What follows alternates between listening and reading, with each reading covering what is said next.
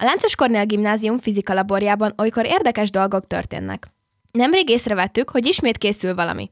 Kiderült, hogy műandetektort építenek. És hogy mi is ez pontosan, most megtudhatod. Takács Hanna, Nerebecki Máté és Pápai Ivát riportját halljátok.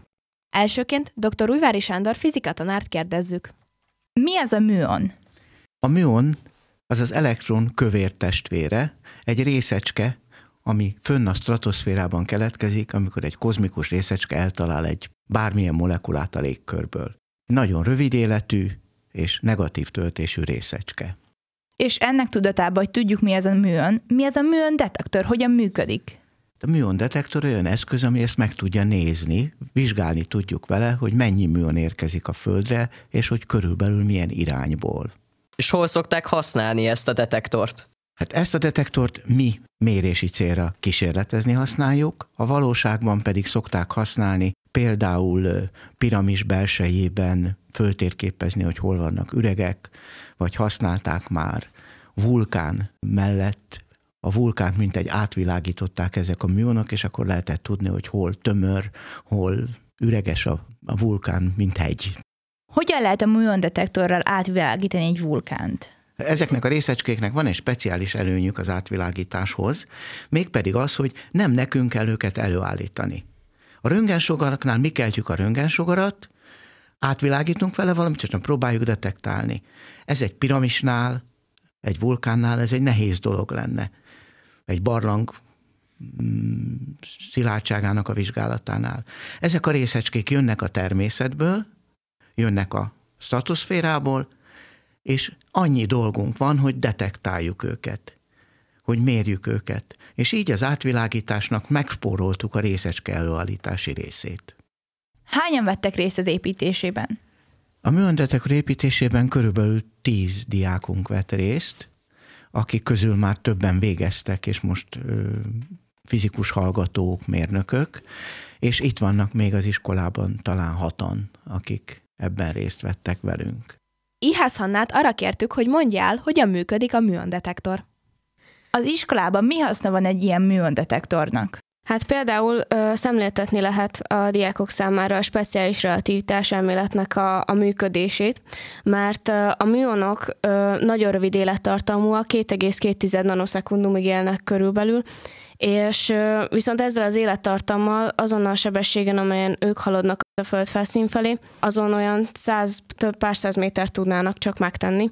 Viszont a speciális relativitás elmélet kimondja, hogy a közelfénysebességgel haladó testek számára az idő úgymond rövidebben telik, és ezért van az, hogy tulajdonképpen több idejük van arra, hogy lejussanak hozzánk.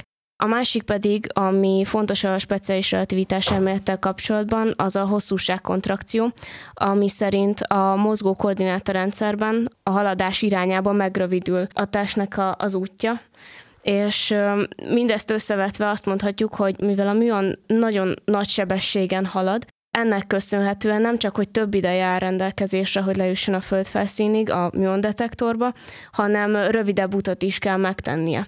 És az, hogy a műondetektorral tudjuk detektálni, az, az az bizonyítja be, hogy a speciális relativitás elmélet valóban létezik, különben ezek a rövid életű részecskék még olyan nagy sebességen sem tudnának lejutni hozzánk.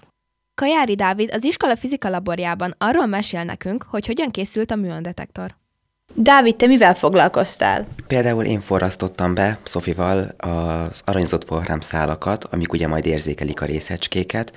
Ezek 24 mikron vastagságú szálak, vékonyabb, mint a hajszál, és nagyjából fél centire kellett őket egymástól beforrasztani és még a vázat is mi csavaroztuk össze. Itt van a kezedben ez a nagyon-nagyon vékony szál, ezt hogyan lehetett beforrasztani? Hát hatalmas kézügyességgel és csipesszel, megnagyítóval. Volt, hogy hibáztatok? Mennyiszer, ha igen? Sajnos volt, hogy hibáztunk, szerencsére nem sűrűn. Le tudnád írni, hogy hogy néz ki ez a műöndetektor? Nagyjából ö, három kamra van, aminek a méretei ö, 2x10x5, és ezeket egymás felé pakoltuk az zétengelyen, és még van egy sima állvány, ami meg úgy néz ki, mint egy A betű. Mennyire mozgatható az a műöndetektor? Ö, forgatható. Ö, tudjuk állítani a dölésszögeit a kamráknak, és ezzel tudjuk érzékelni azt, hogy a műonok milyen irányból érkeztek. Ez miért fontos? Mert például, hogyha elforgatjuk, akkor a műonoknak hosszabb utat kell megtennie ahhoz, hogy át tudjanak menni mind a három kamrán. Ugye több levegőn kell átmenniük.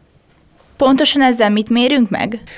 A műonszenzor és az űr közti levegőréteg vastagságát. Bordács Lajos, címzetes igazgatónak a 3D nyomtatás volt a feladata.